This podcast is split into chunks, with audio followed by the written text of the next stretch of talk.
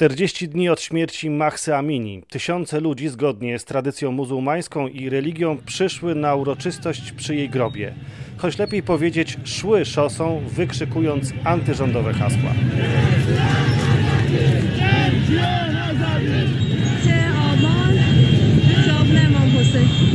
Tyle dni trwają też protesty w kraju rządzonym przez ajatollahów. Pomimo represji i twardej polityki władców tego kraju, ludzie wychodzą na ulice miast i małych miasteczek, by pokazać swój sprzeciw.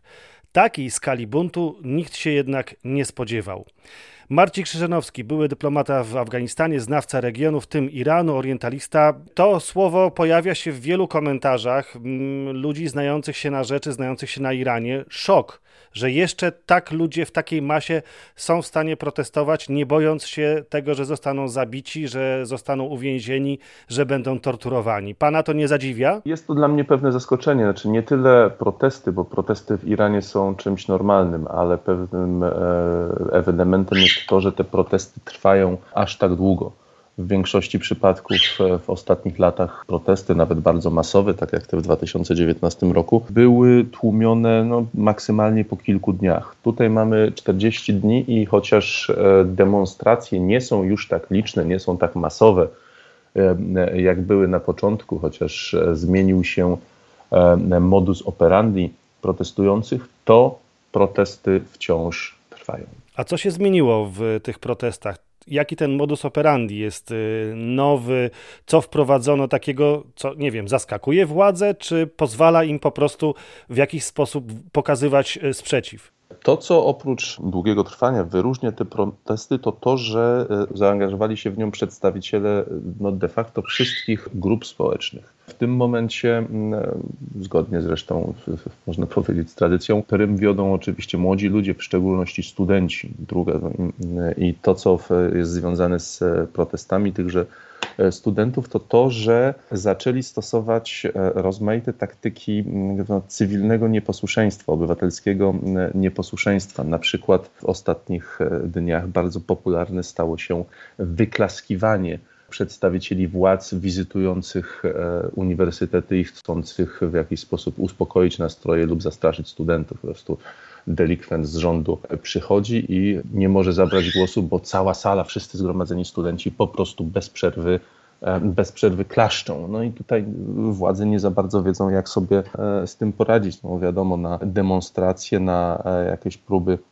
siłowych starć e, z, z, siłami bezpieczeństwa odpowiedzią jest gaz, pałka, a czasami broń palna. No a tutaj tak za bardzo, za bardzo w tym momencie nie wiedzą co, władzy, co z tym fantem e, zrobić. Ta ceremonia przy grobie mm, Mahsy Amini to jest też element y, religii, element szyizmu, prawda? To też jest bardzo ważne. Te 40 dni po y, śmierci, że celebruje się taki moment w tej sytuacji, prawda? E, zgadza się. Po 40 dniach są e, odprawiane e, żałobne modły, wspomina się zmarłą osobę i bardzo często, bardzo często też no, gości się rodzinę celem, celem upamiętnienia zmarłej osoby. No i wczoraj właśnie mieliśmy 40 dni od e, śmierci Maxy Amini, co pociągnęło za sobą bardzo, bardzo liczne demonstracje w jej e, rodzinnym, w rodzinnym mieście w Sakes. Na cmentarz, według no jeszcze niepotwierdzonych informacji, przybyło co najmniej kilkanaście, jeśli nie kilkadziesiąt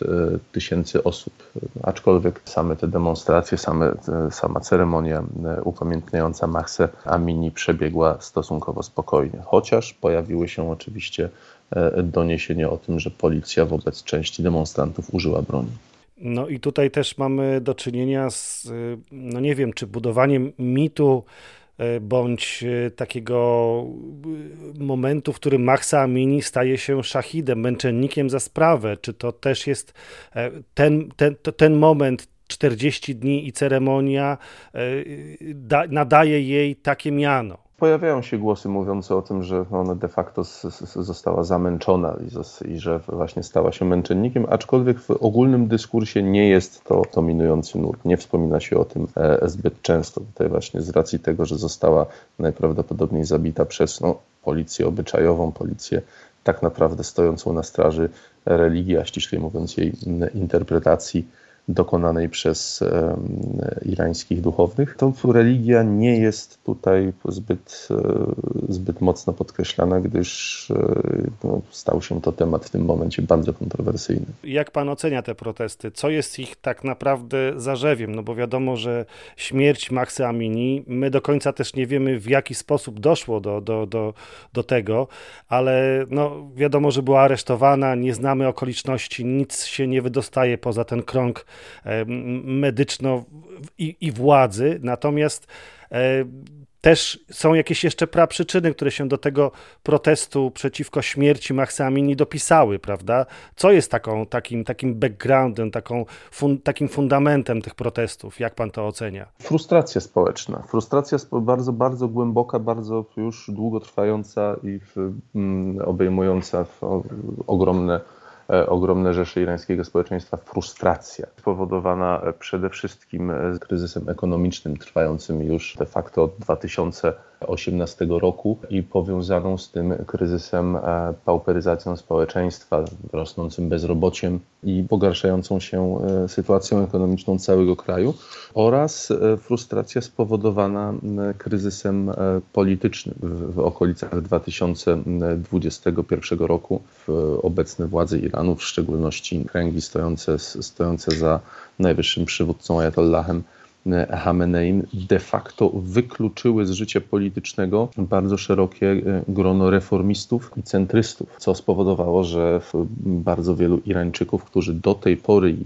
do tej pory popierali republikę, którzy uczestniczyli w jej życiu politycznym, zostało wypchniętych na margines polityki i pozbawionych e, politycznej reprezentacji. W związku z tym bardzo wielu rozczarowało się republiką już ostatecznie i no, dołączyło do grona E, osób kontestujących republikę. Myśli pan, że władze mają problem? Tak, e, mają problem, aczkolwiek jestem bardzo daleki od nazywania obecnych protestów rewolucją czy egzystencjalnym zagrożeniem dla obecnych władz republiki.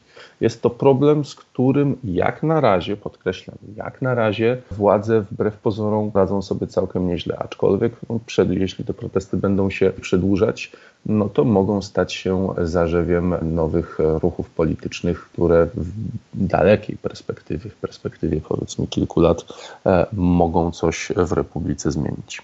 Dobrze, to jeszcze powiedzmy o tych tajemniczych zamachach, które się wydarzyły też w ciągu ostatnich dni. Wojskowi oficerowie odpowiedzialni za program dronów, tych, które są sprzedawane, później wysyłane na Ukrainę, do Rosji i atakują Ukrainę. Doradcy też irańscy są wysyłani na Krym, tak mówią niektóre informacje ośrodków analitycznych. E, jak pan myśli, co się dzieje? Czy, czy, czy to jest rzeczywiście e, no, jakaś interwencja zewnętrzna, która dokonuje tych e, zabójstw na, na, na wojskowych? Na pewno irańscy wojskowi, jak również irańscy naukowcy zaangażowani w pracę nad programem e, rakietowym i w programem nuklearnym są celem zagranicznych i wrogich Iranowi wywiadów. Natomiast akurat konkretnie ten ostatni, e, ostatni zamach, w którym zginęli pułkownik Mehdi Mola Shahi i jego kierowca, żołnierz, może nie żołnierz, co, co, co funkcjoner, członek milicji Basic Javad Keiho, raczej ma podłoże wyłącznie lokalne. Oni zostali zabici w Zahedonie, stolicy prowincji Sistan i Beludystan, która jest prowincją, e, no, jest, naj, najba, jest jedno, najbiedniejszą i E, najbardziej turbulentną prowincją Iranu. Zrewoltowaną, prawda? Tam zawsze są jakieś problemy, czy z przemytnikami, czy w ogóle z ruchami wewnętrznymi, nawet tego typu, prawda?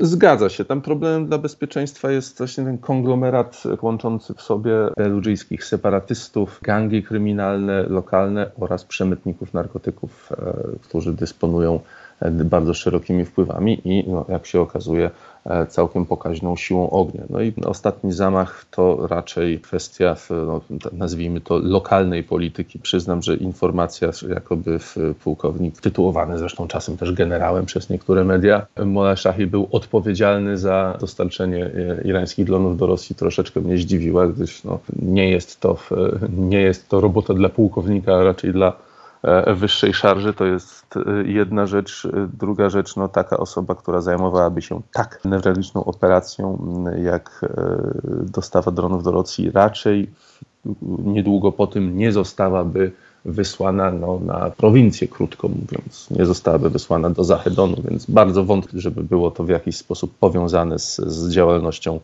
działalnością zagranicznych wywiadów. No bo to można powiedzieć, że tak jak podczas II wojny światowej postrachem wśród żołnierzy niemieckich był front wschodni i ten Beludżystan jest prawie że czymś takim samym, prawda? Bardzo panu dziękuję za rozmowę. Marcin Krzyżanowski, były dyplomata w Afganistanie, znawca regionu, w tym Iranu, orientalista, był moim gościem. Bardzo dziękuję. Dziękuję panu i dziękuję państwu za uwagę.